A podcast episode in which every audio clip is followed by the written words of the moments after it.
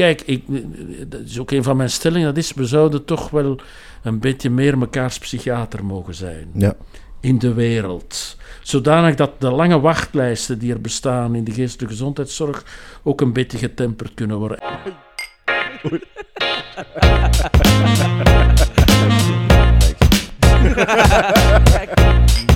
Hilarisch. Welkom bij de dertigste aflevering van Discours met de Boys. We zitten hier vandaag met eh, Dirk de Wachter, gekend psychiater, denk ik. Ehm, of toch een van de meer gekende van België of Vlaanderen.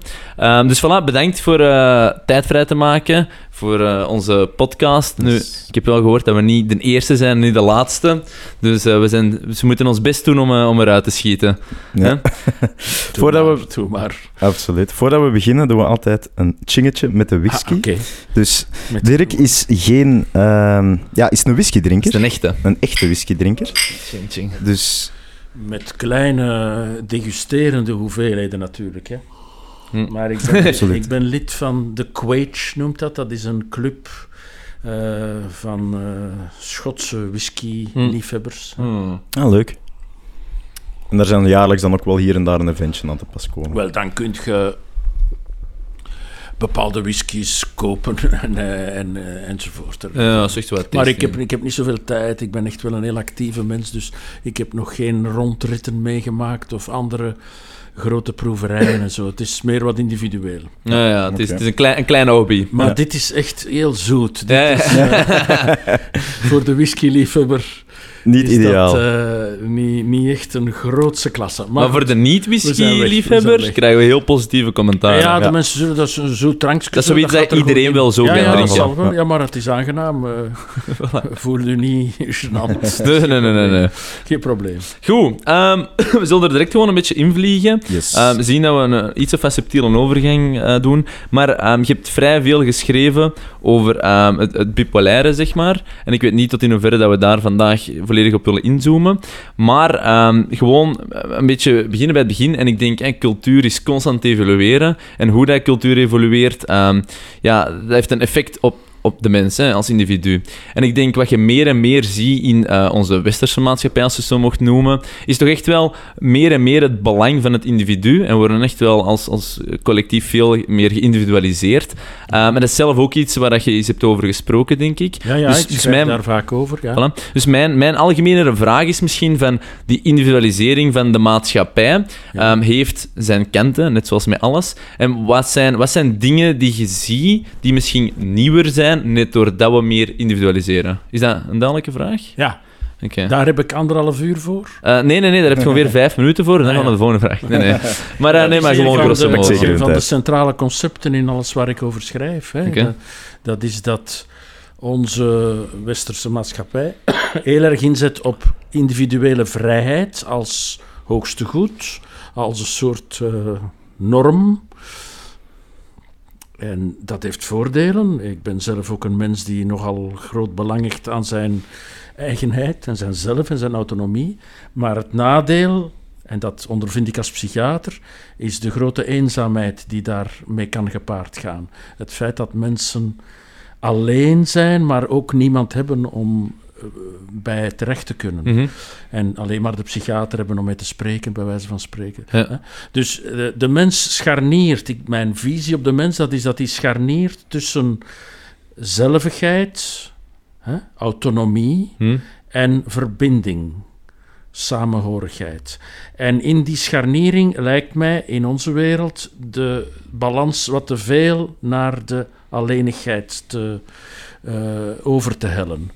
Met het gevolg dat veel mensen zich eenzaam en verlaten voelen. En dat is iets, bedoel, dat vind ik niet uit. Hè. Dat komt uit heel wat sociologische bevragingen. Sommige mensen zeggen dan, is dat altijd niet zo geweest? Dan zeg ik, ja, waarschijnlijk wel.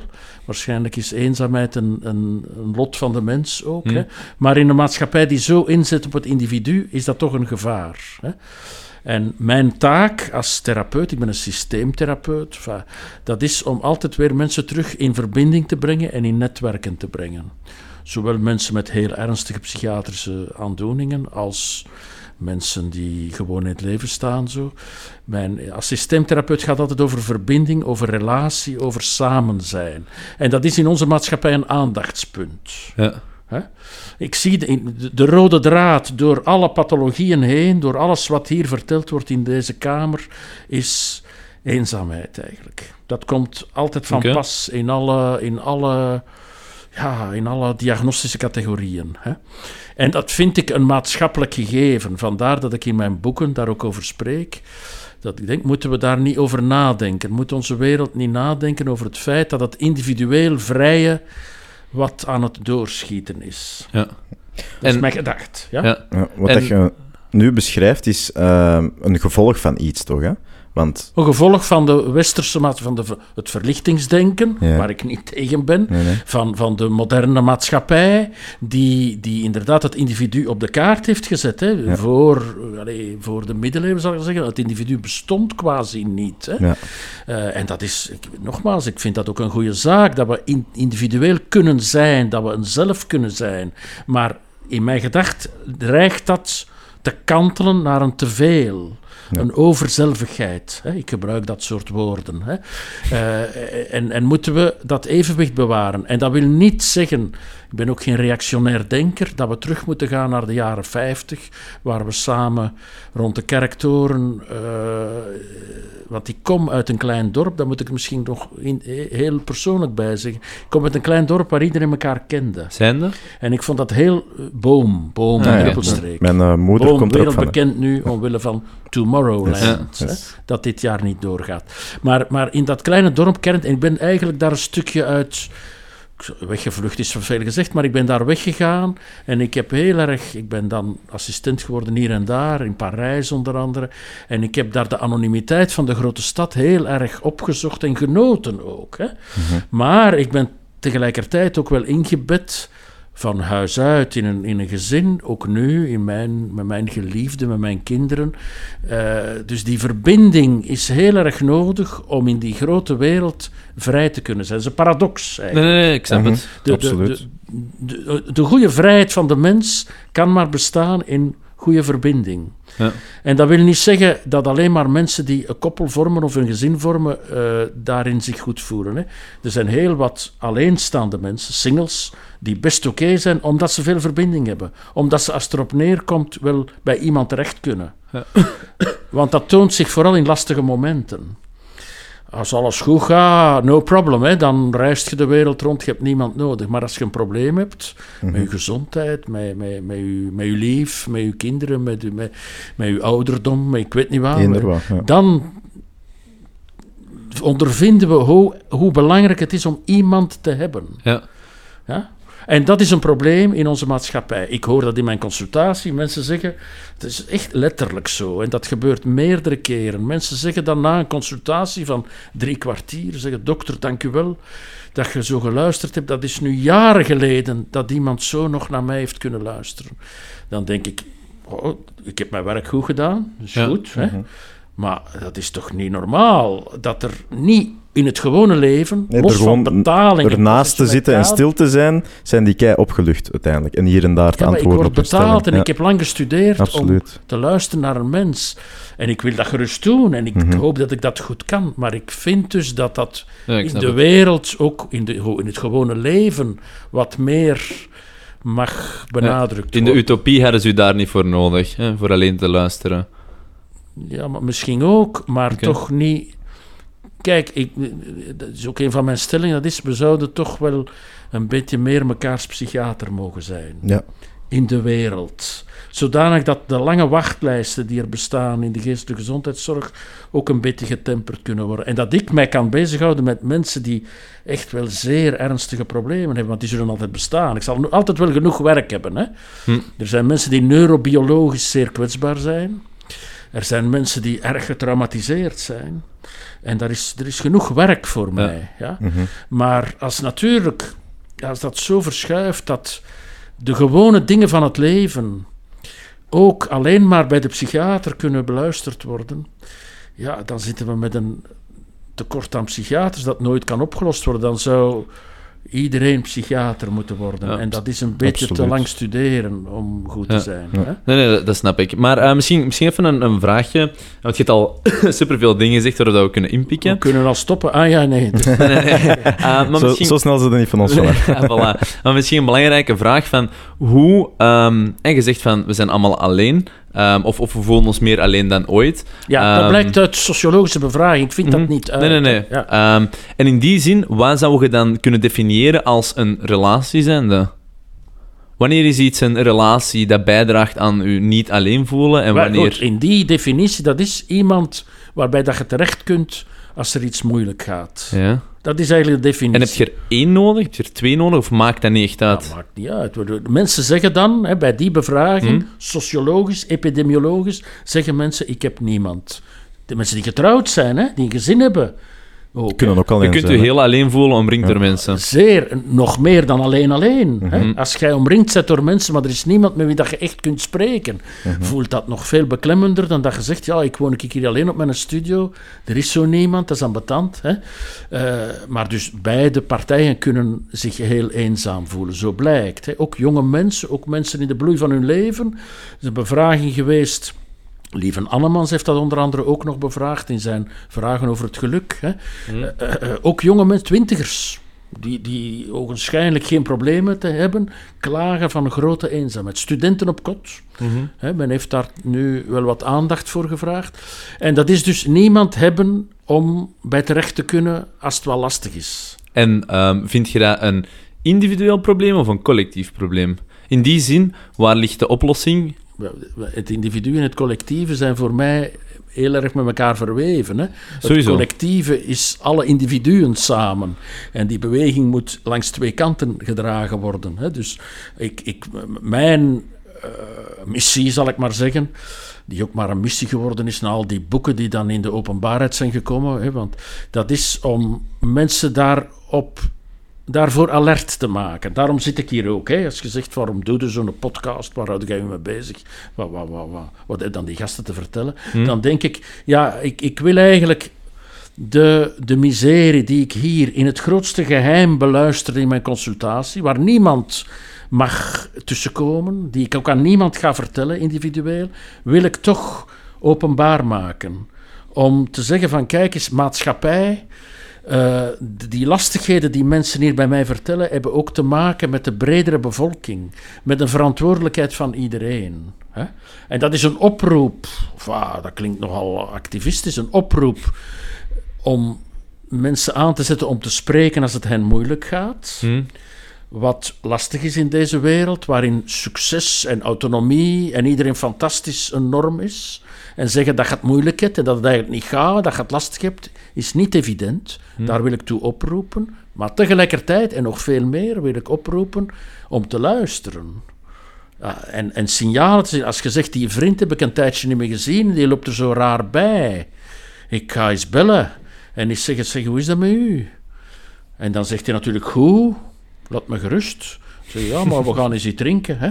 Al dan niet zo'n tweederangs whisky. Maar, maar eh, hè, we zetten ons eens bij elkaar op een terrasje en we babbelen een beetje over het leven, over de Olympische Spelen en over onze gouden medailles. En dan komt er nog wel eens iets. Ja, komt wel eens iets. Dus je kunt dat ook niet forceren, maar spreek af met mensen, luister, neem tijd. Er is tijd nodig om elkaar te zien. En in deze doordrammende wereld is dat niet evident. Ja, ik denk dat je ook wel heel veel patiënten zult zien dat eigenlijk een identiteitscrisis hebben. Op, Ja. Door eigenlijk het feit dat er momenteel in de huidige maatschappij zoveel mogelijk is, meer dan Ja, ooit, ja, ja. dat ze gewoon te veel keuze hebben. Keuzestress. En keuzestress. Ogenschijnlijk toch? Hè? Ik denk dat dat toch een groot aandeel Eh, kan er zijn. lijkt heel veel keuze, maar men zal maar, ik zeg maar, een Syrische vluchteling zijn die hier aanspoelt. Dan is de keuze beperkt. Hè? Eh, allee, ik, noem nu een heel expliciet voorbeeld, maar ja.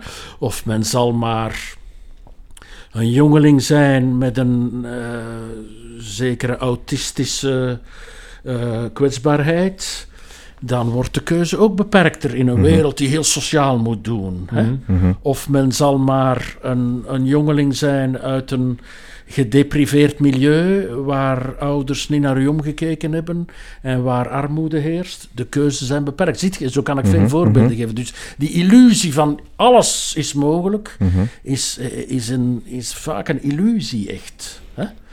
Ja? En we kunnen inderdaad heel veel studeren. We Ja. hebben- ik- toen ik een jonge man was, kon ik, kon ik misschien tien richtingen studeren. Dat zijn er nu honderd. Hè? Mhm. Maar goed, dat zijn ook soms wel wat... Ja, dat lijkt, alles lijkt te kunnen. Terwijl... oh, Ja, de, die, die illusie van het fantastische leven, het ongelooflijk succes met alles, dat... dat, dat Nee, maar, Maar ik dat heb is- niet dat per se een over succes. Hè. Ja, ik dat heb het niet over droom, ja. en succes. Daar heb ik het niet. Ik heb Ja. puur over het feit van, letterlijk, je kunt alles doen. Vroeger waarde, was je vader een slager, dan word jij een slager. ja, dat En nu zeg ik bijvoorbeeld- altijd zo letterlijk ook, ja. Exact. En, Ja. en nu, bijvoorbeeld, puur op beroepskeuze, zal ik maar Ja. zeggen, is er zoveel keuze. Ja. En het schoolsysteem is eigenlijk veel te verouderd naarmate de huidige maatschappij. Want wat voor begeleiding krijgen we op vlak van keuze maken na het middelbaar, zal ik zeggen? Heel beperkt, heel weinig toch, naar mijn mening. En volgens mij zit daar een heel groot probleem voor dat specifieke. En daarom zijn er denk ik heel veel mensen dat dan die identiteitscrisis gaan hebben van oh, wat moet ik nu gaan doen en studeren en blijven studeren en nog steeds niet weten en oh shit, ik ben 26 en ik heb nog steeds geen diploma. Maar al andere vrienden Ja, die ja, blijven dan gaan. En dat soort fenomenen, zaken. Hè? ja. Nu Dus goed, de is dat een groot identiteitsproblematiek is niet alleen aan de scholen, de eh, schoolkeuze te wijten. Eh, ook aan het feit dat de oorzaken, dat is een, daar schrijf ik ook veel over, hè, dat, dat de, de vaste kaders, de vaste voorspelbare kaders, die vroeger heel verstikkend waren en mensen heel erg beperkten. Mhm. Ik zelf kom uit dat kleine dorp dat ik als verstikkend heb ervaren. Mhm. hè? En waar we uit willen breken. En nu zijn we daaruit gebroken en nu zit je daar te zwemmen in Ja, die mensen beginnen van, van van alles. En zeggen, waar moet Ja. ik hier naartoe? En mensen zeggen, naar daar. Nee, naar daar. Oh, rechtdoor. Nee, achteruit. Iedereen zegt van alles. En je zegt, Mhm. wat moet ik hier gaan doen? Hè? Eh, en daarom zijn anderen nodig die in vertrouwen met u kunnen spreken en zeggen van zou dat niet doen en doe dat en doe een beetje voort enzovoort. Dus eh, de, de- die illusie van die vrijheid, dat die keuze iets is dat je helemaal zelf kunt maken, is al een van de problemen die, die te maken heeft met dat autonoom zijn. Ik denk dat dat een illusie is, dat de mens niet autonoom is, niet ultiem autonoom is, maar altijd in verbinding met anderen is. En dat de keuzes die gemaakt ook keuzes zijn die met anderen tot stand komen. Hè? Misschien, misschien even een vraag, en, en ze is ondertussen al een paar keer gesteld op podcast, maar we zijn echt ze zijn net niet aan het stellen, dus ik ga ze gewoon stellen. Maar gelooft je in de maakbaarheid van de mens? En dat zal een super complexe vraag zijn, net omdat je zoveel context daaromtrent ziet. Ja, geloof is al zo'n raar woord eh, in, in deze. Hè. Eh, Is de mens volledig maakbaar dan? Ik heb een volledig natuurlijk niet. Hè. Een klein beetje. En wat wil dat concreet het is een metafoor die ik daarvoor gebruik. Er is een filmpje van gemaakt ook, dus ik val in herhaling misschien. Maar dat is dat het leven een onvoorspelbare tocht in de kosmos is. Hè? Waar we de uitkomst nooit van kennen. Hè? En waar we in, in dat bochtige pad van hier naar daar geslagen worden door de noodlottigheden van het bestaan. Onze oorsprong al, hè, dat, dat wij hier zitten in dit land zonder hongersnood, is al een grote chance. Hè? Dus ons bestaan zelf is een ongelooflijk toeval. Hmm. En hoe de dingen dan lopen ook wel. Hè? De liefde die je tegenkomt, de ouders die u ten dele vallen, eh, het hersenweefsel waar dat je met hem... Al die dingen zijn ongelooflijk toeval. En het leven gaat zijn gang. En, en dat zie ik natuurlijk ook bij, eh, in, in, in, in het werk met mijn patiënten, hoe noodlottigheden zo bepalend kunnen zijn. Ik bedoel, je hebt een goed leven en alles gaat naar wens en dan plots krijgt uw partner een kanker en gaat dood. Daar is uw leven. Mhm. Mhm. Plots geraakt, geraakt uw kind eh, zwaar aan de drugs, wordt psychotisch, wordt opgenomen in een psychiatrisch ziekenhuis en geraakt daar niet meer, niet meer door.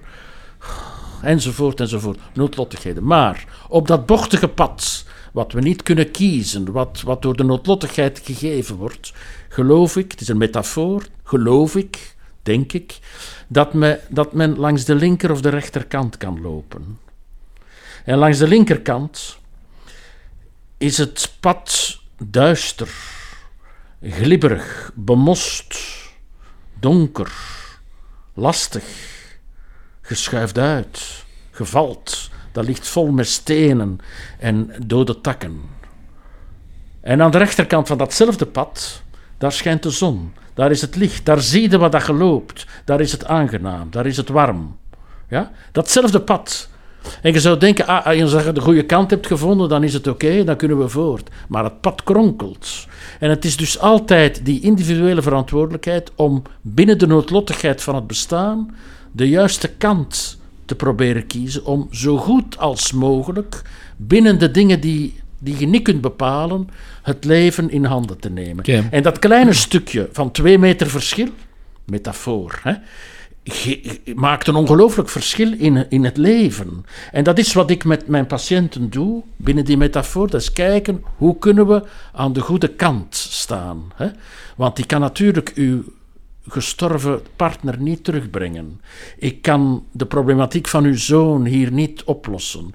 Enzovoort, enzovoort. De noodlottigheden zijn wat ze zijn. Maar we kunnen binnen de noodlottigheid een goede kant kiezen. Dat geloof ik wel. Hè? Een heel klein verschil in, in, in, in kleine Nee, stap. Maar een heel groot verschil in subjectieve beleving. Ik, ehm, ja, maar, en ik denk, denk dat iedereen wel struggelt soms met die dualiteit van die, van die twee kanten. Maar in, in, in die zin, en ik heb, ik heb zelf lang met die vraag gezeten en we hebben er al ellenlange discussies over gehad. Ehm, maar dat is, en ik weet nog niet of het volledig aan bod is en je mocht de vraag zeker skippen, maar is ehm, hoe bepaalt je wat goed of slecht is? Ah, Want ja, in ja. die zin, je spreekt over licht en duister, maar soms is het duister is nodig vraag. voor naar Het licht te gaan. ik, ben de, ik ben ook niet, als psychiater, luister ik naar de mensen in Hmm. het noodlottige pad en probeer ik te kijken hoe kunnen we langs de kant van het licht komen. Maar ik ben niet degene die zegt, daar is het licht, daar moet jij gaan. Hmm. Ik ben degene die zegt van, kijk, hoe is dat voor u en wat is er voor... En mensen moeten zelf bepalen wat de goede kant is van het pad. Hè? Dus ik, ik, ik probeer zo weinig mogelijk aan mensen te zeggen wat ze moeten doen. Ja, ja, sowieso. hoe meer dat- ze dat zelf kunnen doen, hoe beter. Ja, en hoe langer dat ze het op de goede kant Ja, zullen natuurlijk. blijven. omdat ze- je hebt ook veel meer voldoening als je zelf je leven kunt bepalen dan dat een of andere dokter u zegt, dat moet jij nu doen. Mhm. En toch gebeurt het bijna altijd dat mensen hier komen met hun miserie, en dat kan soms vreselijk zijn. Mhm. Hè? En mensen zeggen, dokter, wat moet ik doen? Dokter, zeg mij wat ik moet doen. Ja, een beetje Of ik, outsourcen. nog van, in eh, een, in een eh, extremere vorm. Dokter, geef mij een pil en vlug voor de laatste bus. En, eh, en geef mij, en laat, dan kan ik het niet meer voelen. Hè. Ja. En het is niet dat ik soms geen pillen geef, maar eh, dan, daarna moeten we ook gaan zoeken naar het goede het leven. werk, hè. En dat goede leven, dat moet men zelf eh, zoeken. En dat verschilt, want het pad is bochtig en soms moeten we weer een andere kant. Het is altijd zoeken. Hè. Het is niet zelf genoegzaam gaan zitten en zeggen: voilà, ik zit hier aan de goede kant, jong, en de rest kan me niet schelen. Nee, nee, voordat je het weet, zijn er weer gebeurtenissen van het leven. En het is zeker, het leven is ook niet rechtvaardig. Hè. Er zijn Zeker mensen die onwaarschijnlijke duisternis eh, meemaken. En anderen die wel chance hebben, eigenlijk zo. Ja. Eh, Maar op zich maakt dat geen verschil, vind ik. Mijn, mijn mening is er wel een beetje over dat je niet te hard mocht reflecteren over geluk of ongeluk dat je hebt, want dan komt er per ongeluk wel een beetje in een slachtoffermentaliteit, waarin dat, dat is ook waar, dat is ook waar. Heel veel mensen komt inderdaad hier met het gevaar van slachtofferigheid. En dat is dan voor mij een beetje zoeken. Enerzijds voldoende empathisch en compassieus zijn, maar anderzijds ook niet meegetrokken worden in de negativiteit. Mm. Zeggen, maar kom aan, we gaan nu eens een beetje zien wat dat we kunnen doen. Hè. Ja. We, Ga- we gaan eens kijken. Wat, en dat is, dat, dat is soms heel moeilijk. En soms lukt het ook niet. Hè. Er zijn echt wel mensen die aan de duistere kant blijven. Mhm. Er zijn ook mensen die dat. Is heel vaak mensen die misbruikt zijn in hun kinderjaren. Dat Mhm. is toch de categorie mensen waar ik van vind dat ze de zwaarste, het zwaarste lot getroffen hebben. Die, die het licht niet verdragen. Omdat ze als kind zo zijn geknakt in alle positiviteit, dat alle vertrouwen, alles wat dat een beetje goed kan zijn, Mhm. is zo kapot gemaakt dat ze Dat is het in het verdere leven het licht niet verdragen en alleen maar in de, in de tristesse en de verschrikking van de duisternis kunnen gedijen. Hm? Dat is heel erg.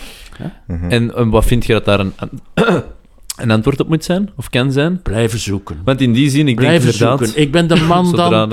Ik ben de, de, als arts moet men altijd aan de kant van de hoop staan. Zelfs Mm. na jaren en na, na mislukkingen en altijd. Ik ben hier En ik geloof in de kant van het licht. Dat klinkt eh, allemaal een beetje wollig en onnozel als ik dat nu zo zeg hoor. Maar ik denk dat het duidelijk is binnen die metafoor. Absoluut. Ik geloof erin dat mensen altijd.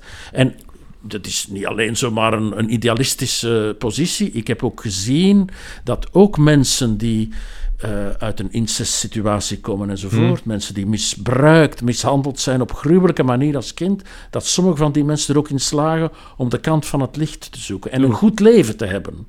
Altijd met beperkingen, littekens, zeker, maar een goed leven. Dat bestaat. Ik heb mijn doctoraat daarover gemaakt. Ik denk dat ik een beetje weet waar ik over spreek. Dat ook mensen met verschrikkelijke achtergrond slagen er soms in om een goed leven te Maar dat zijn net maken. de coolste mensen, ik vind ik. bewonder dat ook. hè. Absoluut. Want ik ben zelf een mens met veel chance. Ik kom uit een gezin waar ik liefdevol ben bejegend. Allemaal niet perfect natuurlijk, hè. het is overal wat. Maar ik, ik ben graag gezien eigenlijk. Hè. En ik vind het eigenlijk ook mijn taak om dan te zorgen voor mensen die daarin minder chance hebben gehad. Enfin, dat is een, een antwoord denk ik op uw vraag. Ja, dat de, de maakbaarheid is heel klein. Maar die heel kleine maakbaarheid is een reusachtig verschil in het bestaan. Ja, sowieso. Want, ja, ik, denk, ik denk het altijd wel, zeg maar, een onderbewustzijn dat zijn ding doet en gedrag en gebeurtenissen. Maar dan heb je je bewustzijn en je bewustzijn maar is... zo je het En daar komt dan een beetje actie. Ja, maar ik maar- vind wel altijd dat er een verschil is tussen waar het er u toekomt, per ongeluk, en dat bedoel ik echt wel intern nu, innerlijk, en de keuze die je maakt voor een, een, een, zoiets te volgen. En daar is toch altijd een klein verschil waarin dat je een keuze kunt maken. Stel bijvoorbeeld, ik heb een negatieve gedachte, um, of ik voel me lang slecht. Ja, op zich is dat een beetje een soort van ehm, status quo dat je gaat blijven behouden als je op een bepaald moment niet jezelf in een gezonde manier, zeg maar, wat meer forceert om de andere kant net te nemen. Ehm, niet? En dat is een beetje wat ik bedoel met maakbaarheid, denk ik. Dat je kunt niet kiezen wat het er u overkomt. Je kunt niet kiezen wat je voelt of, of welke gedachten er je soms toekomen. Maar je kunt wel kiezen hoe je ermee omgaat. Wel, Of is, dat, of is dat metafoor- ja, maar- utopisch? Want Nee, nee, nee. ik neem dit- het wel Dat is wat ik met mijn metafoor Ja. een beetje wil... wil Ja, nee, nee, nee. Maar zo simpel is dat niet. Hè. Mensen met een chronische depressie, ik zeg maar wat, die neurobiologisch erfelijk soms zo geprogrammeerd zijn Mhm. dat zwarte gedachte hun natuurlijke status is. Hè. Bij die mensen is het niet zo eenvoudig om te zeggen, van, je kunt kiezen om je goed te voelen. Ja, dan zeggen die van, ja, en hoe, en hoe moet dat dan? Hè? Daarvoor is dikwijls dan toch ook medicatie nodig. Mhm.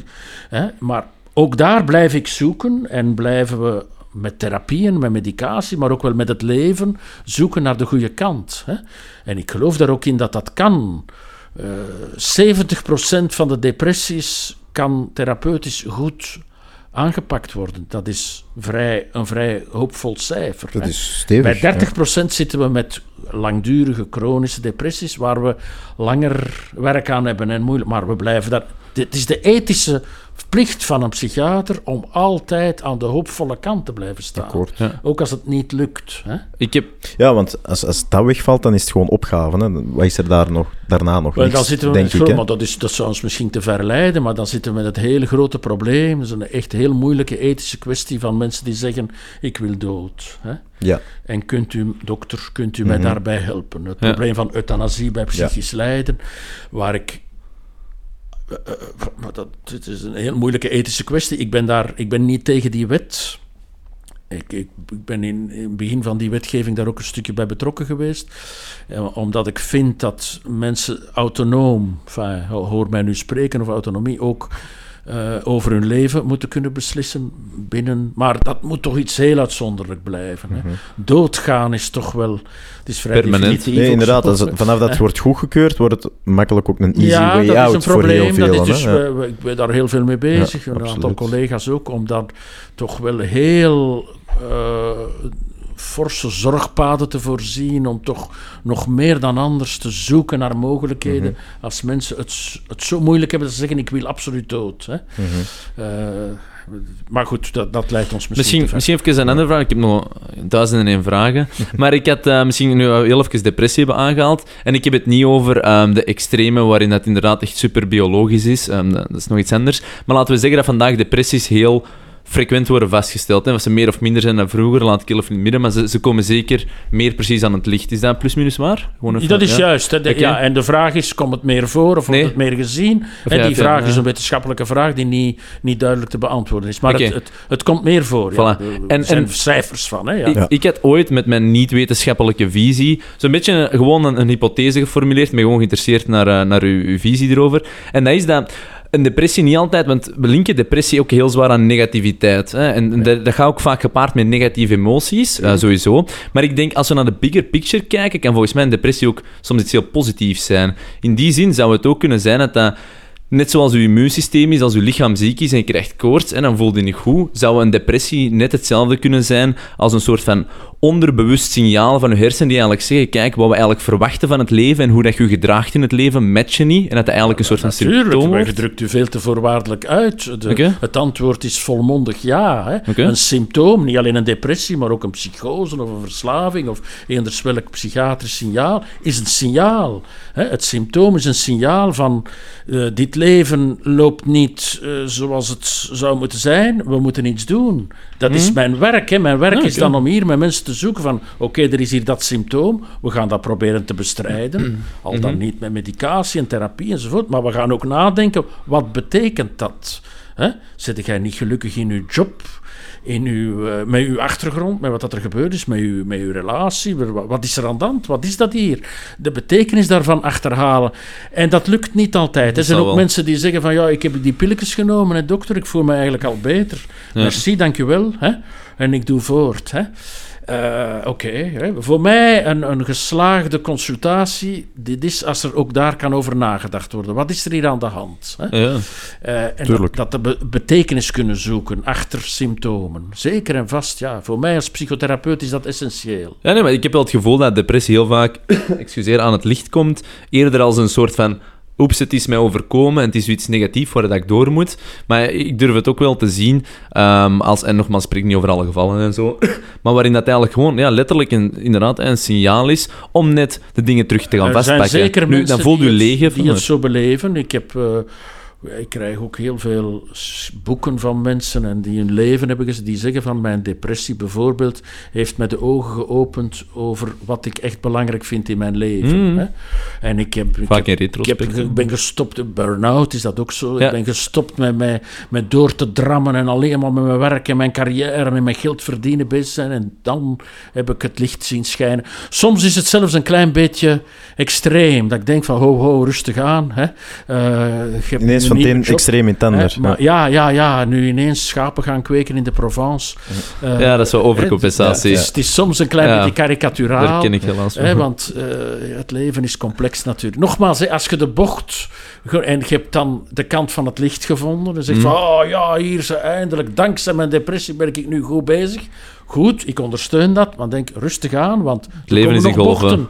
Ja. Er komen nog bochten en, en, en we zien wel, het is nooit definitief allemaal in orde hè, in het leven. Het Nee, leven het is- is, het is een waarschijnlijk zoektocht. Omdat het ene nu weg is en er is gewoon iets anders in de plaats van, oké, dan dat je al zo overweldigend gelukkig zijn omdat dat ene weg is. Ah, wel, ik ben natuurlijk ook maar heel blij de psychiater is een ambetante Ja. mens wat dat betreft, maar overweldigend gelukkig zijn wil ik graag iedereen toewensen, maar vind ik ook gevaarlijk, omdat het bestaan is nu eenmaal Mhm. af en toe een beetje ambetantig. Hè? Absoluut. Maar ik bedoel, ik bedoel, als er één ding wegvalt waar dat je zo ineens het besef hebt van, oké, dat is het niet. En Ja. door dat besef Ja, geraakt je eigenlijk uit je depressie, want van, oké, Ja. ik heb het gevonden, ik ben eruit. goed zo.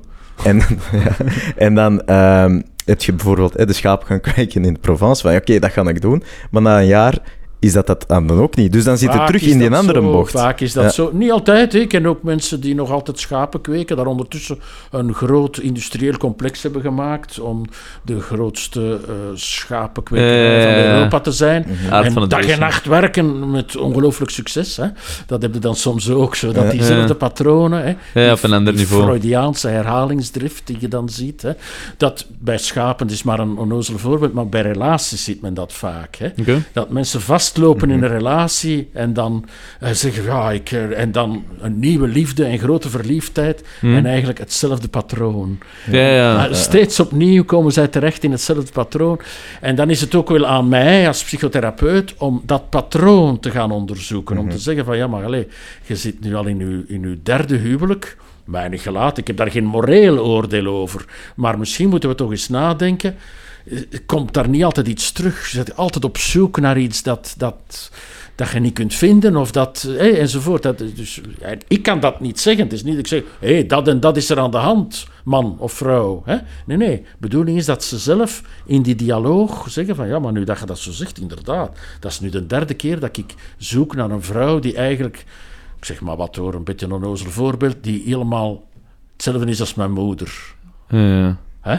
Omdat mijn moeder vroeg weggevallen is. Ik zeg maar een voorbeeld van, van in de praktijk. Ik zeg ja, inderdaad, maar uw vrouw kan nooit uw moeder zijn. Hè? Dat, dat zoeken, dat gaat je op die manier nooit kunnen vinden. Enzovoort. Dat Ja. dus de onderliggende structuur. En, en misschien omdat we nu al een paar dingen hebben aangeraakt, ik vind ik dat we een beetje... mijn whisky drinken. Ja, ja, zeker. Doe maar. Tweede rangs whisky weliswaar. Hè? Ah, natuurlijk. Ehm, nee, maar en, en omdat we nu een paar keer zo ook weer al licht hebben getikt, maar wat vind je, een heel interessante vraag met superveel connotatie, maar van de geluksmaatschappij. In die zin, ik vind dat we, ik zal gewoon even kort mijn mening zeggen, maar ik vind dat we als, als maatschappij, of, of, of wat ik toch directeer, dat we allemaal ehm, zo arrogant zijn geworden, of misschien al het geweest, maar nu komt het dan naar buiten, waarin dat we precies doen als dat iedereen en alles maar gelukkig moet zijn. Maar ik geloof niet zozeer dat de mens ontwikkeld is om gelukkig te zijn. Ik geloof dat dat een, een indicator is om soms dingen te blijven doen en dan weer dingen te veranderen. Ja, maar mijn Ehm, laatste boek hoe gaat daar letterlijk over de kunst van het ongelukkig hadden zijn. al die zijn boeken eerst moeten lezen. daar, eh, is daar, dat is het onderwerp daarvan. Hè? Dat- we zijn obsessioneel bezig met geluk. Ja, En dat geluk wordt heel hedonistisch gedefinieerd Hm. als amusement,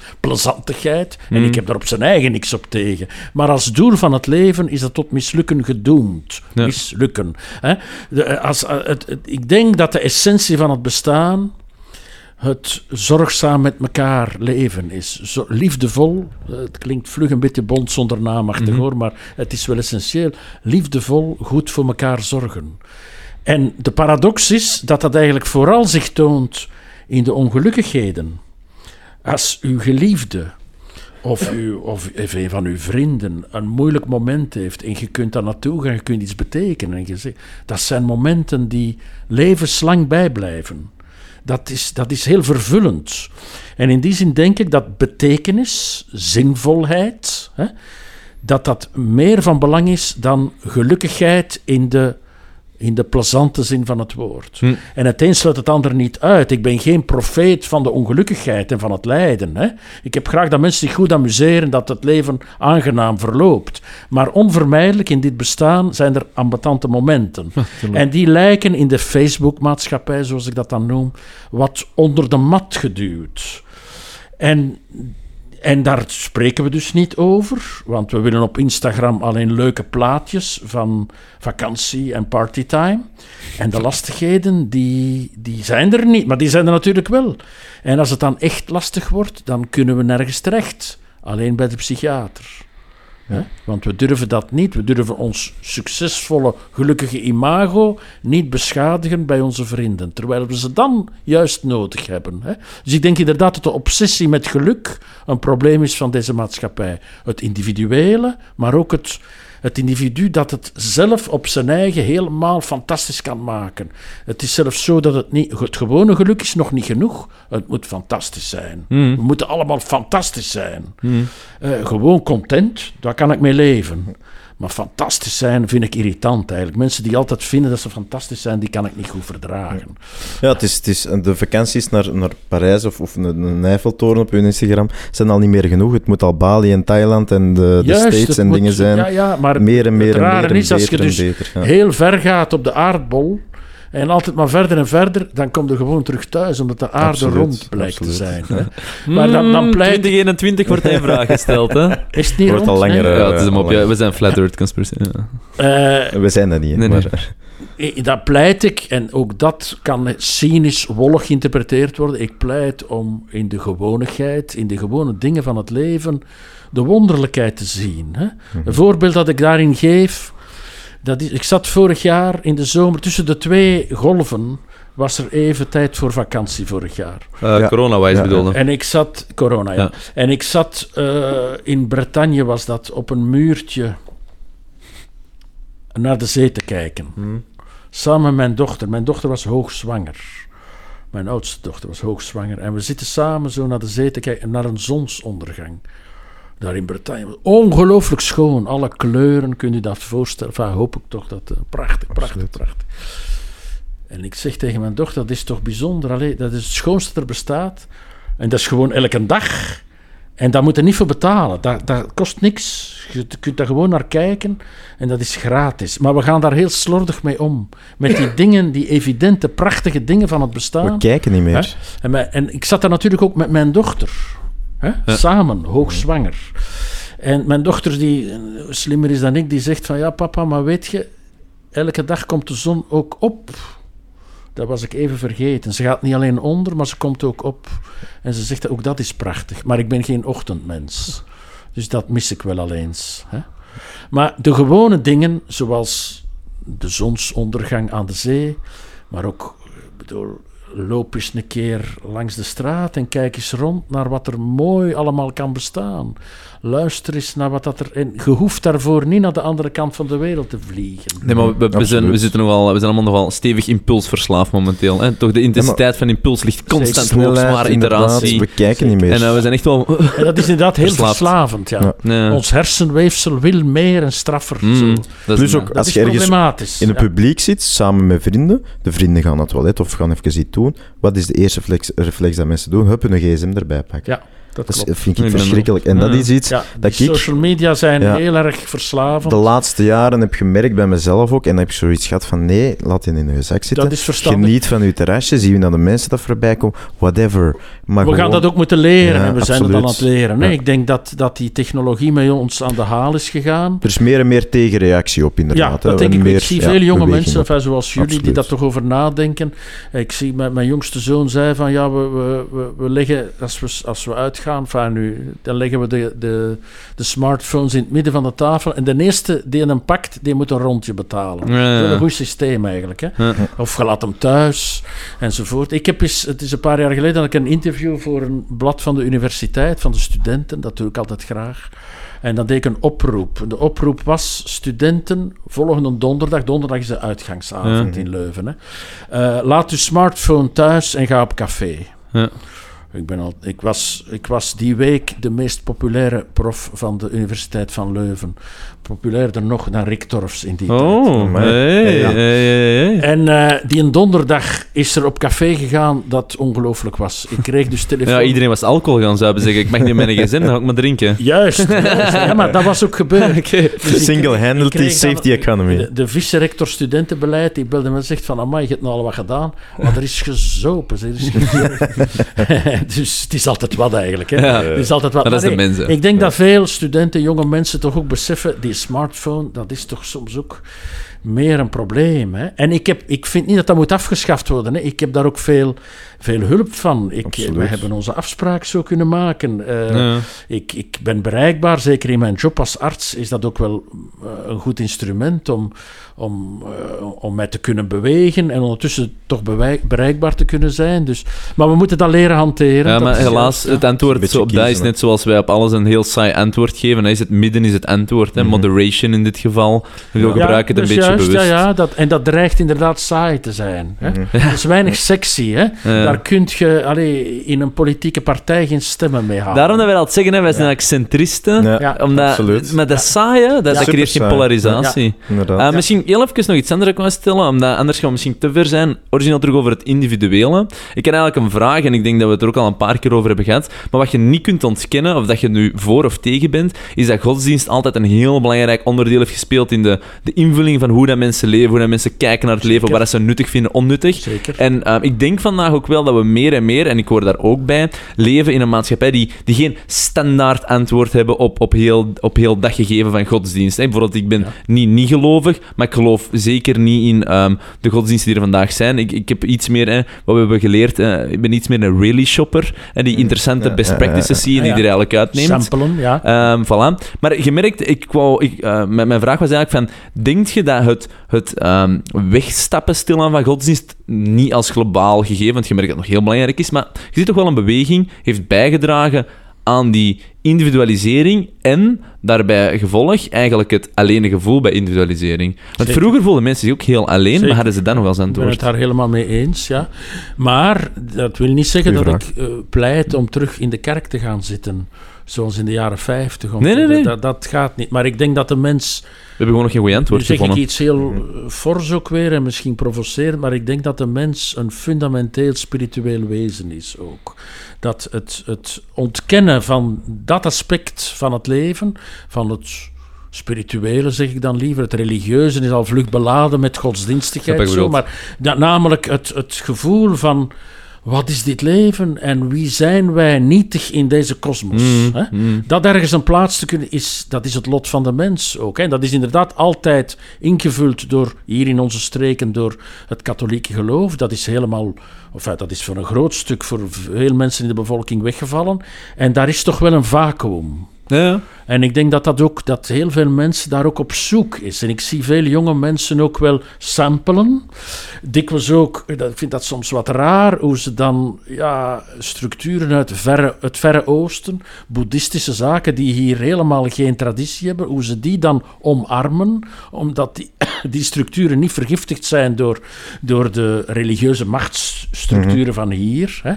Maar ik zie ook mensen dan ja, dus het spirituele zoeken in drugs en drank en allerlei verslavingsachtige, gamingachtige toestanden. Hè. Maar ik zie die nood aan dat spirituele Voilà, ja. heel erg hoor. Ja. ja, same. En dat zal zijn weg wel moeten vinden, maar de kunst is daar ook. Ik, ik zeg altijd, ik denk dat de kunst de en de creativiteit een, een belangrijke speler daar is. Hm? Eh, als God wegvalt, hoe dan toch ja, de, Om te de- gaan met de, de verbeelding, Fictie, de, de, Ja. De creativiteit toch, toch ergens troost moet blijven bieden voor onze sterfelijkheid. Hm. Hè, want heel, veel godsdiensten hebben toch fundamenteel te maken met het feit dat we Leven na de leven dood. na de dood. Of, of, eh, Ja, we weten niet waarom hè. dat we hier zijn. we weten zijn, om Heidegger te citeren, voor de meer intellectuele luisteraars eh, te, te, hè. Maar dat is een steek voor iedereen die niet herkent. Zijn zum tode. Hè. Eh, de essentie van het menselijk zijn zit hem in het feit dat we sterfelijk zijn. En dat we dus zeggen, oei oei, wat is dat hier voor iets? Binnenkort is het gedaan. We moeten er iets van maken. Ja. De zinvolheid van het bestaan komt uit het feit dat het eindig is. Hè? En als dat zonder godsdienst moet gedacht worden, dan denk ik, ik geloof ook wel dat dat kan, dat dat via het creatieve zijn plaats kan vinden. Een andere, ik deel die mening niet, maar een aantal mensen zegt van ja, eh, het, het wegdeemsteren van de westerse godsdiensten gaat de weg openzetten voor andere godsdiensten. En dat zijn dan de bedreigende hypothesen van de islamisering van, van de westerse wereld, bijvoorbeeld. Hè. Of de reactionaire kerkelijkheid die je ziet in het zuiden van de Verenigde Staten. Hè. Waar mensen inderdaad teruggrijpen naar een fundamentalistische, strenge, eh, bepalende godsdienstigheid, zo, heel, eh, heel fundamentalistisch, om die houvast in het leven terug te grijpen. Mhm. Ja, of ook wel, niet alleen godsdienstige, maar ook, ook zeer strenge autoritaire politieke structuren. ja, maar dat is altijd overcompensatie. Ja, hè, dus die, die, die- de angstige zoekende mens die niet goed weet, wat moet ik doen, hoe zit dat hier? Dan komt er een autoritaire leider, al dan niet ondersteund door een god, die zegt van, volg mij, ik weet het. Je moet niet nadenken, ik weet het. Ik denk voor u na. Ik denk dat de geschiedenis bewezen heeft dat dat gevaarlijke tendensen We zijn daar zijn. heel Absoluut. vatbaar ook voor mensen. En mijn idee is, we moeten mensen Hmm. bottom-up laten nadenken. Mhm. Akkoord. Hè, En, en zelf laten zoeken. En die angst ook durven leven. En de ongelukkigheid durven leven. Mhm. Het feit dat we sterven is inderdaad niet prettig. Alhoewel we wel oud worden tegenwoordig. Maar toch. Hè, en hoe kunnen we die. die, de- en dat sluit aan bij uw, de obsessie van het geluk. Hoe kunnen we het minder gelukkige leven ook goed leven? En dat kunnen we met elkaar. Als we samen met anderen dat kunnen doen. En dan eh, hebben we misschien minder de psychiater nodig. En dan hebben we misschien ook minder de priester nodig. Ja, ja. Sommige mensen zeggen ook, ja, jullie zijn toch in de plaats gekomen van de priesters twee generaties geleden. Hè? Ja, ik hoor dat niet altijd graag, omdat ik natuurlijk zelf niet door een godheid wordt bestuurd, hè, maar door een wetenschappelijk inzicht. Maar Maar, weet- toch, ik kan niet ontkennen dat, dat het, eh, het, de opkomst van de, van de psychotherapie en de psychiatrie heel erg gelijk gelopen is in de westerse wereld met, Ja. eh, met de ondergang van de klassieke godsdienstigheid. Oké, heel interessant antwoord. Ik denk dat wij zelf, en spreek me tegen als ik voor u spreek, maar zo meer stoïcistisch zijn ingesteld. In eerder van embrace dat het leven niet zo fantastisch is als je, als je denkt. Maar ik, ik heb een paar interessante dingen horen zeggen. Ehm, en dat is, eh, ik denk dat we allemaal, eh, spreek me tegen als ik u fout citeer, maar dat we allemaal in zekere mate angstig zijn eh, Zeker. voor de dood. En ik heb ook een paar keer horen zeggen ehm, dat we allemaal zinvol proberen te zijn. Ja. Maar ik denk dat dat een beetje een, een paradox is, want is, een, ehm, is, is zinvol zijn niet een soort van copingmechanisme voor die angst? Want wat is echt de zinvolheid? Want ik denk dat uiteindelijk het, het vrij nihilistisch is. Ik denk dat het leven geen zin heeft of, of wel geen zin heeft. Maar ik denk gewoon vanuit praktisch principe moet je wel zeggen, ik denk dat ik er zin aan ga koppelen, want dat is gewoon nuttiger Oké, dan als ik het niet deed. Ik heb daar nogal uitgesproken standpunten over. Ik denk dat het leven geen a priori zin heeft. Hè. Eh, Dat is inderdaad wel een, eh, een ander standpunt dan de klassieke godsdienstige standpunten die zeggen van de God heeft het leven zo gemaakt en het is per definitie zinvol. hè. Ik denk dat het leven geen a priori zin heeft. Maar die zinloosheid is een probleem voor de mens Mhm. die fundamenteel, denk ik, een zinzoekend wezen is. Die dus in de wereld geworpen is, wederom Heidegger. Hè? Een foute filosoof, altijd goed om die te citeren. Hè? Dus in, in het geworpen zijn in de wereld, op zoek naar zin die niet gegeven is, maar die zelf moet gezocht worden. Dus het is het lot van de mens om in die zinloze nietsigheid van het bestaan toch ergens zinvol te zijn. En dat zinvol zijn is, wederom Heidegger, en ik zal Levinas daarin mee citeren, omdat die toch wat politiek correcter kan geciteerd worden, maar de zin van het bestaan zit hem dan in de zorg, zorgen, de zorg voor de ander. Hè? Het leven met de medemens en inzitten met de medemens en daar iets voor doen en daar iets voor betekenen. Hè? Betekenen is altijd in de blik van de ander. Dat is Emmanuel Levinas. Hè? Ik ben maar, ik ben, je suis, ik ben als er een ander is. Als u mij hoort, dan is mijn spreken van betekenis. Ja, ja. Als ik hier zit te kakelen zonder dat er iemand mij hoort, dan heb ik geen betekenis. Hè? Dus betekenis ontstaat alleen maar als er een ander is. Ja. Hè? En dat is de manier om, en je kunt zeggen dat een copingmechanisme, dat, dat klinkt zo functioneel. Ik denk dat het Dat zeer essentieel, existentieel is. Hè? De, de human existence bestaat erin om zinvol te kunnen zijn in een wereld die niet a priori zin geeft. Hè? Die zelfs zeer absurd is ook. Hè? Hm. De wereld, als je daar dieper over nadenkt, wat, wat is dat hier voor een gedoe? Dat is, dat is, dat kun je, dat, mensen zouden er psychotisch van worden. Ja, zeker. Eh, eh, dus ja, het, het enige dat we kunnen doen, dat is daar, en dat is dan soms ook grappig, absurd met elkaar over spreken, geeft ook een prachtige en soms humoristische troost aan het bestaan. Hè? Ik ben nogal een grote fan van Kamagurka, hè, die toch die absurditeit steeds weer opnieuw eh, op een ja, grappige, maar soms ook schrijnende manier kan, kan eh, tonen. Zo. Ja? En daarmee betekenis geeft. Ja? Betekenis is altijd in de blik van de ander. Zo denk ik dat. Is Levinas. Dat is een beetje gelijk ehm, als een boom in een, ehm, in een bos valt waar dat je niet bent, is hem dan gevallen of heeft hem dan lawaai gemaakt? Ja, oké. Eh, ja, een dat is een filosofische vraag. Hè? Ja. Eh, de Maar dat we filosofisch zijn aan het spreken. Hè? Ja, ja, ja, dat, is, juist. Ja, ja, ja, ja, dat is het, het constructivisme enzovoort. Hè, maar eh, als, goed, da- daar kun je Ja, filosofisch discussiëren. Ja, het radicaal constructivisme en, enzovoort. Hè, ik, ik denk dat er ook een fysieke realiteit in de wereld is. Hè. Als de boom gevallen is, dan kunnen we misschien wel vinden na verloop van tijd te zeggen, oeh, hij is toch gevallen. Hè. Eh, dus er is een fysieke realiteit, Ja, nee, een lijfelijkheid ook in ons, in ons bestaan. Maar de zin, denk ik, is een essentieel ding. In de, in de zinloze wereld ergens proberen zin te vinden. En dat is een probleem van onze westerse maatschappij, die denk ik nogal We weten niet een meer wel. soort zinsvergessenheid leeft. Namelijk die inzet op het geluk als ultieme doel 100%. en niet op de zin als ultiem. Dat is mijn core business Ja, eigenlijk. ik, maar ik volg en ik dat zeg het een beetje scherp en misschien een beetje provocerend, maar dat, eh, dat zie ik. Dat komt uit mijn praktijk. Hè? Hoe ik zie dat mensen een, een soort hedonistisch leukig geluk nastreven Mhm. en dan terechtkomen in een, in een complete zinloosheid. Ze zeggen van ja, ik heb nu ik heb de Mont Ventoux al vijf keer beklommen met een klein verzet. Maar nu, wat nu? Welke berg nu? Welke uitdaging moet ik nu nog? Hè? Ik geloof wel in uitdagingen, Ja, maar, maar ik, ik ik, ook, ik ik geloof ook. wel in alles. Ik wat- ook, eh, ja, hoe maar- dat je het nu brengt, ik ben heel hard eh, fan om het ook zoiets te horen, want ik geloof heel hard wat je zegt. Ik denk dat dat mijn eigen overtuiging is. Maar je slaagt erin om het iets beter te Dat verwoorden. mag, maar eh, Dank u. Naifa Tiam, hè? niks Ja. fantastischer dan wat die dame gedaan heeft, toch? Hè? Ehm, Die- met welk? De, de twee gouden medailles Ah, ja, op de zeven ik volg het niet zo hard, maar...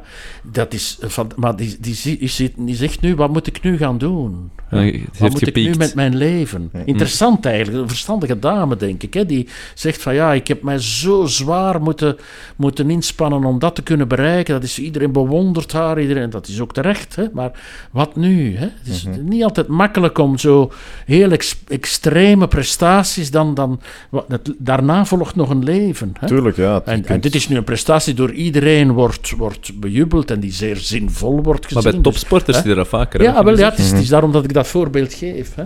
Ja. Ja, ik denk dat...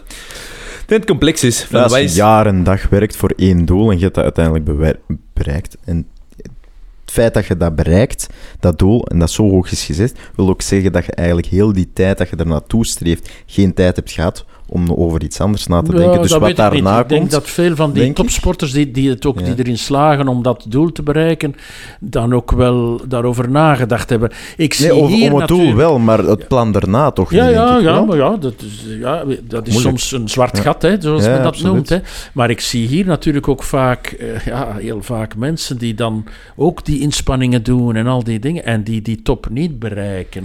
Maar- Omdat ze de chance niet hebben op het juiste moment, of niet die talenten hebben die toch heel extreem zijn en heel zeldzaam Er zijn. zijn altijd meerdere Maar dat factoren. is belangrijk, die dat we mensen Ja. daarmee leren omgaan. Want Ja, niet dat vergeten dat top 1% altijd Ja. de top 1% zal ja, zijn. ja, dat En is zo, dat is 99% zo. zal... Ja, en dan lijkt het alsof je alleen maar zinvol kunt bestaan als je tot die 1% Voilà, behoort. en waardoor pieken is 99% niet het- van de mensen ontgoocheld door het leven struikelt. Dat kan ook niet de bedoeling zijn. Hè. Maar het is wel een moeilijk evenwicht, omdat ik, ik pleit wat dat betreft ook niet voor, voor een leven zonder, zonder drive of zo. Hè. Ik vind het fantastisch hoe dat nu, nu met die Olympische Spelen de mensen prestaties doen die, die echt prachtig zijn. Of ook, ook in het zakenleven, of ook in de, in de muziek of in de kunst. Hè. Dan, dat, ik kan dat ook heel erg goed bewonderen. Zo. Mm. Maar, Maar- ik, ik ben bang van, van succes als enige doel. Zo. Daar ben ik bang van. Ik zie hier in mijn praktijk de, de collateral damage daarvan. Ja.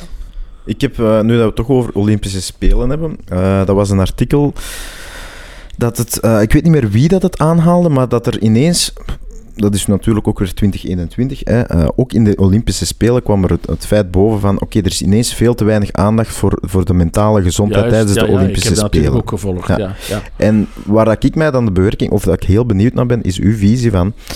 Oké, dat is een onderdeel van de prestatie. Je hebt je fysieke prestatie, maar ook je mentale prestatie. Dat En ik heb zoiets van, als je het mentaal... Allee, Nou, wees maar even grof. inderdaad, dat is grof. Als je het mentaal dan niet aankunt, in harmonie met je fysieke prestatie, heb je dan recht op je gouden medaille, zou ik zeggen. ja, ja, nee, dat Allee, het is, het is, niet, het is hè. een stelling, hè? Ja, Ah, wel. voilà. Maar ik ben heel benieuwd, benieuwd Ja, maar naar dat uw is visie juist. daarop. Dat, ja. dat is inderdaad veel. Is dan ik een denk beetje dat veel van die prestaties. Of... Veel van die prestaties van die topatleten, de, hun grootste eh prestatie is het mentale. Absoluut. Sowieso. Dus dat is een onderdeel van... Zeker, ja, dat is ook zo bij de, de, de winnaars van de Elisabeth-wedstrijd, piano, viool en zo, alles, dat mhm. die, die, die, die staat dan maar op dat podium. En, en dat is natuurlijk heel erg toegenomen de voorbije decennia door, door de televisie en de nieuwe media. Daar, zit, daar zit geen duizend mensen in, in het Nee, nee, stadion. de wereld is aan Maar het daar kijken. zitten Ja. miljoenen mensen wereldwijd op u te kijken. Eh, het, het- het heeft ook met veel meer geld te maken. Dus die Mhm. druk is heel erg toegenomen. Absoluut, hè. De absoluut. vraag is, is dat nog, is dat nog goed eigenlijk? Hè? Mhm. Maar het is is juist, is- dat, dat de, de, de mensen die dat aankunnen, ik denk, denk Tiam heeft bewezen, haar eerste, de, zevenkamp gaat in twee dagen. Haar eerste dag was niet zo goed. Mhm. Eh, ze ging het misschien niet halen. En de tweede, zij, zij heeft dan zich kunnen bij elkaar pakken. Enfin, ik volg haar niet zo persoonlijk, ze is ook mijn patiënt niet hoor. Maar, maar eh, ze heeft die tweede dag toch mentaal. En ze is na de overwinning. Ik zal niet zeggen gekraakt, maar toch een beetje. Laat me nu gerust, want ik kan Mhm. niet meer. hè. Maar dat zou wel opleveren naar zo'n moment. Ja, ja, Ja, ja.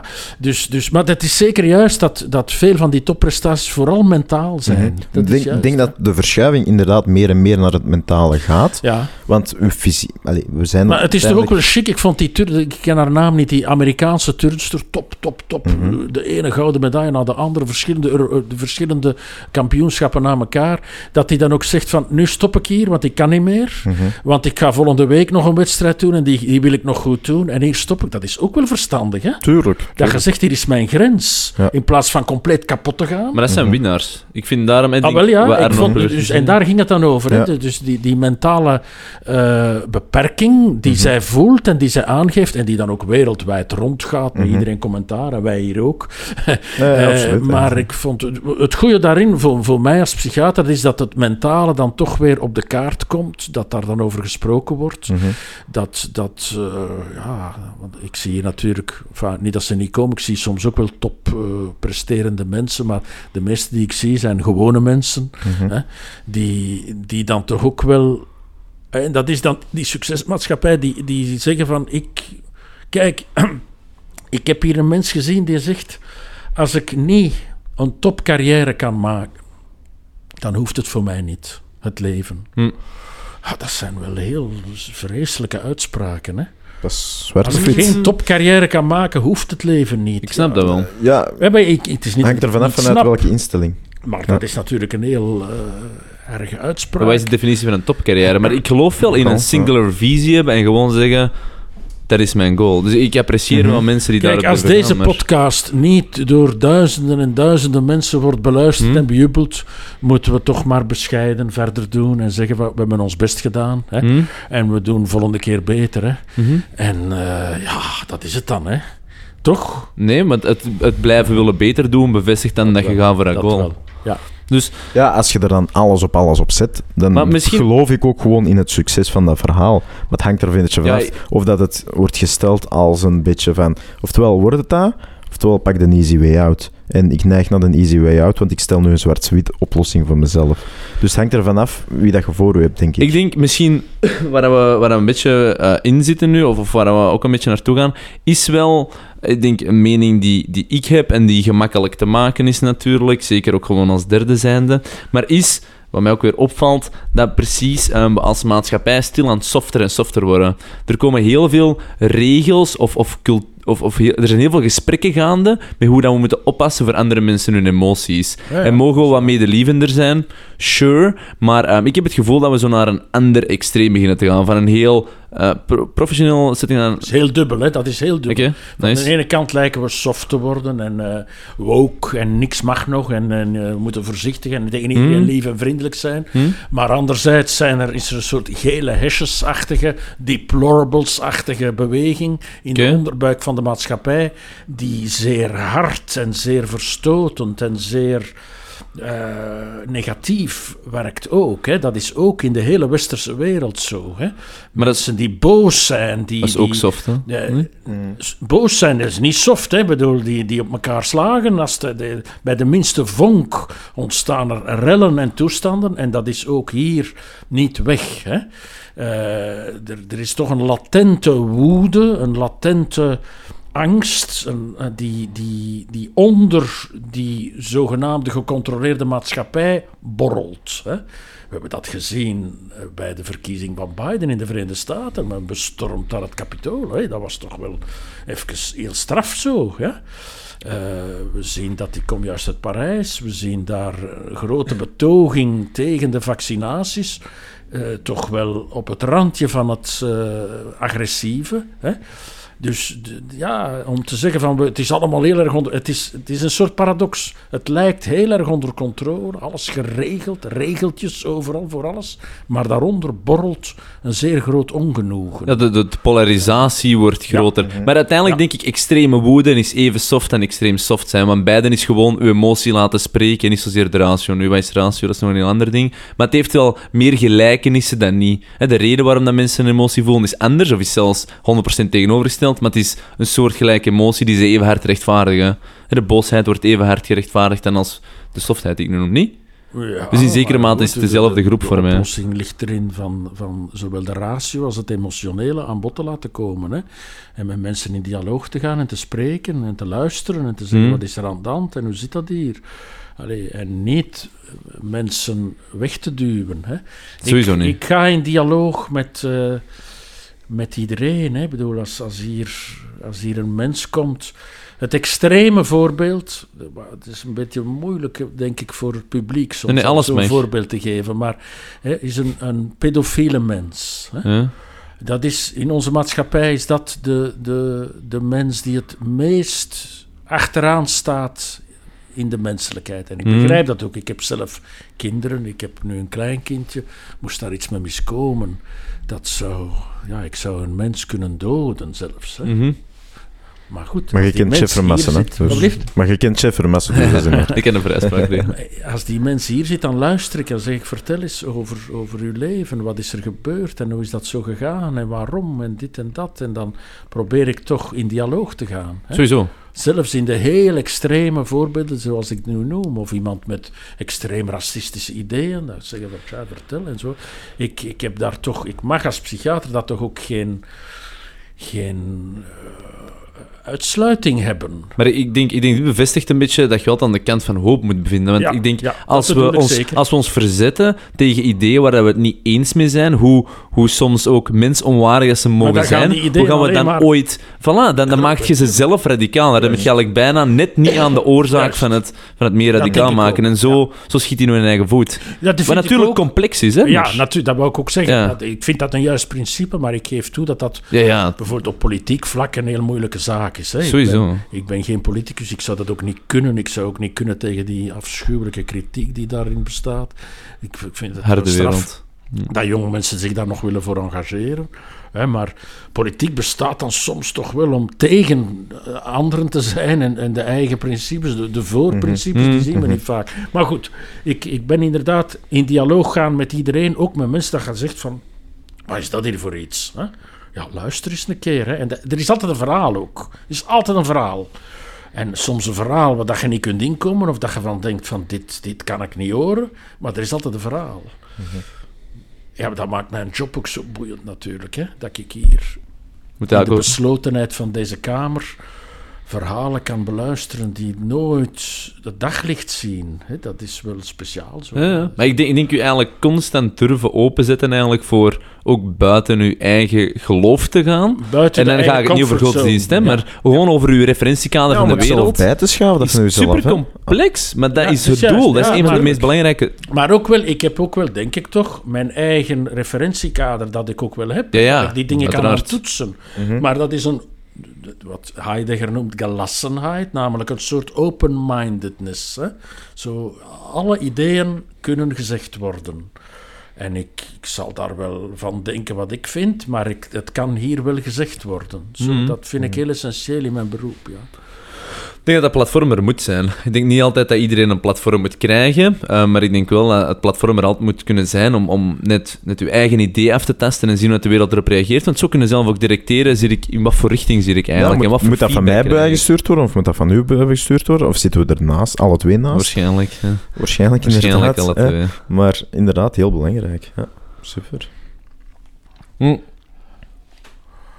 Misschien gewoon nog een, eh, een, een meer laatste vraag, want ik weet dat je zoiets um, nog, nog, nog andere dingen Ja, hebt ik te krijg doen. hier een signaal, er zal al iemand... eh, Eh, voilà, ze- dus ik voel dat heel goed aan. Eh, dus is, wat, is, wat is een concept waar dat je zelf eigenlijk nog hard mee struggelt? In die zin, we hebben vaak soms dat we rationeel iets denken of over iets aandenken, maar dat we emotioneel nog niet volledig volgen. Zijn er zo principes die eigen zijn aan menselijke ontwikkeling of het menselijke zijn, waar dat je zelf zo nog wat mee vastzit?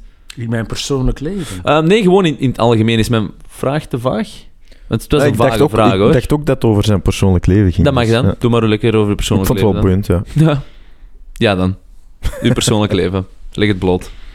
ja, ja. We zitten hier in, de- in uw kamer uiteindelijk. hè. Nee, nee, maar gewoon ja, dingen ja. die, die, ja, waar je zelf zo nog geen antwoord op hebt. Ja, ik kan alleen maar, daar kan ik alleen maar op zeggen eh, dat ik natuurlijk een soort van, dat is denk ik mensliches, allzu mensliches, een soort van angst heb dat het hoogst geprivilegeerde, met veel chance ondersteunde leven dat ik heb, dat dat zou verstoord worden. Hè? Ja, ik, ik, ik, heb, ik ben in relatief gezonde toestand zo. Ik heb een, Mhm. eh, de, de job van mijn dromen. Ik ben, moest de psychiatrie niet bestaan, ze zou voor mij moeten uitgevonden worden. Ik heb het gevoel dat dat is wat ik kan en wil doen. Zo. Ik heb een geliefde die ik graag zie en die mij graag ziet. Ik heb drie gezonde kinderen. Ik heb als een ongelooflijke het, maakt mij heel erg emotioneel om dat te zeggen, maar ik heb een, sinds elf maanden een kleinkindje. Hè? Het dochtertje van mijn dochter. Ja, het leven is mij zo, zo goed gezind dat het mij soms een beetje bang maakt. Zo. En ja, ik hoop dat ik, eh, als het mij minder goed gaat, want ik zal ook ouder worden en al die dingen. Enfin, ik voel me nog goed hoor, maar. Of er zullen misschien dingen gebeuren. Ik heb, ik heb de voorbije jaren wel wat vrienden verloren van mijn. Ik ben 61 jaar, van mijn leeftijd, aan kanker enzovoort. Eh, ja, het is ook allemaal zo broos en zo. Ik hoop dat ik dan, als het mij minder goed gaat, of ik kom iets tegen dat grote tegenslag is, dat ik kan terugvallen op dat grote geluk dat mijn leven tot hiertoe geweest is. Maar er is zeker een soort van. eh, misschien is dat iets heel. iets vanuit mijn katholieke achtergrond of zo, maar een soort idee van: kan dat wel? Dat je zo. Je hebt een beetje schrik dat aan een tijd je geluk zal dat opgebruikt het zijn. geluk ja, niet, niet zo kan blijven duren. Ja. Omdat ik, en dat geluk is dus geen fantastigheid. Hè? Dat, is een, dat is een grote gevoel van vervulling dat vooral te maken heeft met mijn vrouw en kinderen natuurlijk. En met mijn beroep ook wel. Ik, mijn beroep en mijn professioneel leven is wel erg belangrijk voor mij. Je bent heel gehecht aan je leven. Ja. ehm, En dat, daar zit een gevaar in. Hè? Wel, ja, Want dat zo. betekent dat ze iets kunnen afpakken. Ja, maar goed, ik ben, dat, is, dat is een verhaal dat ik al verteld heb. Als ik nog geen veertig was, ben ik gestorven. En dan ben ik eh, terug, zoals u ziet, eh, terug verrezen. Enfin, het is een Jezus beetje belachelijk 2.0 gezegd, maar ik, was, ik ben heel, ben heel eh, precair geweest. Ik had een, een CVA, een, een halfzijdige verlamming. Hoi? En dat, Nee. Ja, ja, dat was heel ernstig. Mijn vrouw sprak er onlangs nog over dat dat toch misschien voor haar nog meer dan voor mij een, een, een behoorlijk eh, emotionele toestand is geweest. Maar ik ben daar goed van gerecupereerd en ik voel mij goed. Maar eh, dat maakt wel dat toen, toen vond ik, ik, ik dacht dat ik doodging. En toen dacht ik, het was verschrikkelijk, want mijn kinderen zijn nog klein. En ik ga nooit weten hoe hun leven zal zijn. Ik had kompassen met mijn eigen. Eh, maar nu, nu zou dat al anders zijn, moet ik eerlijk zeggen. Nu, mijn kinderen zijn groot, dat zijn hele leuke mensen, vind ik zelf, als ik dat van mijn eigen kinderen mag zeggen. Die, eh, ik heb dat kleinkindje en zo. Nu zou, ik zou nu al op een of andere manier gemakkelijker kunnen sterven. Je zou het al, omdat je al ik- meer dingen hebt kunnen checken. Wel, ja, vooral de kinderen. Dat, dat je zegt, wel, ik weet, zij, zij hebben hun leven. Ik weet dat het goed zit. Ja. Zoiets. Dus ik kan daar dan, maar misschien zeg ik het wat te simpel, ik kan daar met een zekere onthechting wel in bestaan. Ja, maar ik denk, ik denk Denk als je het gevoel hebt dat je een paar dingen moest doen of gezien hebben, en je hebt die kunnen zien of kunnen doen of ervaren, dan heb je ook een tikkeltje meer vrede met je eigen... Zoiets, ja, ja, dat is er zeker. Dat eigen is er zeker, ja. ja. Maar tegelijk, moet ik eerlijk zeggen, is het ook een zekere angst. Moest ik ja, gezondheidsproblemen krijgen. Of mijn geliefden natuurlijk. Hè. Allee, dat, Mm. Ja, dat, en ik zie dat rondom mij, dus hé, ik, zie, Mhm. ik zie hoe dat ook. Ja, dat kan ik zie hoe de oude dag van mijn eh, ouders en schoonouders toch ook niet zo makkelijk verlopen is. Die mensen zijn nu allemaal gestorven, maar dat is toch ook een toekomstbeeld dat niet zo makkelijk is. Ik hoop dat ik daar goed kan mee omgaan. Hè, maar zo'n. een- Niet te gehecht zijn. ja, dat is niet zo simpel. Goed, dus ook zelf moet ik met die, met die lastigheden leren omgaan. En dat gaat mij even moeilijk afgaan als, als al de mensen waar ik zo lig voor te orakelen. Oh, misschien Ja. een heel interessante vraag, als ik zo vrij mag zijn. Bent je ooit zelf aan een psycholoog of een psychiater geweest? Nee, niet als dusdanig op consultatie. Ja. Maar ik heb natuurlijk in mijn... Ik heb heel veel intervisies en Ja, ja, ja. supervisies. eh, waarin, waarin ook mijn eigen leven, aan, van, ook in de opleidingen en zo, waar, waar reflecties over het eigen leven wel van pas komen. Maar ik ben niet op consultatie geweest. Ik heb hier wel nogal wat collega's op consultatie. Ja, voilà. Dus, dat wel. dus dat gebeurt. Dus niet omdat men, maar, maar tot hiertoe voel ik mij nogal goed en gaat alles mij met veel chance, hè, gaat alles mij nogal eh, goed zo. Zodanig dat ik tot hiertoe niet de behoefte heb gehad om iemand te consulteren. Als dat nodig zou zijn, denk ik wel dat ik dat zou kunnen doen. Dat denk ik wel. Ja, voilà, En- dat is belangrijk. Die gesprekken met, want je zegt dan van, eh, er komen wel andere collega's eh, op, op consultatie bij u. Ja. Zijn die gesprekken niet helemaal anders? Want Nee, zij zijn nee, uiteindelijk... Nee, nee, compleet hetzelfde. Allee. Ja, die zijn... Want uiteindelijk hebben zij in theorie toch ook al de antwoorden van, voor hun patiënten. Ja, maar die theorie is ook maar wat dat is. Ja. eh, Mensen. over uw eigen leven gaat, zijn dat dezelfde vraagtekens Mhm. van waar kom Zo ik grappig, hè? vandaan, waar Ja. ga ik naartoe, Zo wat is het leven, wie zijn uw geliefden, wat Ja. kan er, wat kan er niet, hoe is het zo gekomen. Nee, dat is geen verschil. Dat is geen verschil. Iedereen Ja. struggelt wel een beetje op zijn of haar manier. Ik denk dat dat zo... Ja. En, ja. Oké. Wat boeiend om te zien. Ja. Goed. Oké. Fijn. Ja, ik denk dat we een heel tof gesprek achter de rug Oké, hebben. Ja. nee, ça va. Super. Dirk, bedankt veel succes, voor ehm, Zou ik zeggen. even naar de podcast te komen Ja. en voor de tijd vrij te maken. Super interessante antwoorden en vragen. Eh, maar je Absoluut. vragen hebben wij gesteld, dus dan kudos voor ons. Maar de antwoorden waren ook interessant. Applausje voor iedereen. Ehm, dus nee, voilà, bedankt. Was, eh, was boeiend om te horen hoe dat je zo op het leven kijkt en op ontwikkeling. En eh, voilà, nee, goed. Tot eh, de volgende. En hopelijk dan op café-achtig of zo. Ja, en niet zozeer hier, hier. voilà. Niet Ja. dat ik niet naar hier wil komen, maar eh, dat is vaak een indicatie. Of naar de kelder anders. of naar de zolder. Of misschien is het goed dat ik naar hier kom en is het misschien hè, vrede met problemen die je hebt in plaats van ze te ontkennen. Ja. Het is mogelijk bekijken. Maar misschien nog heel kort.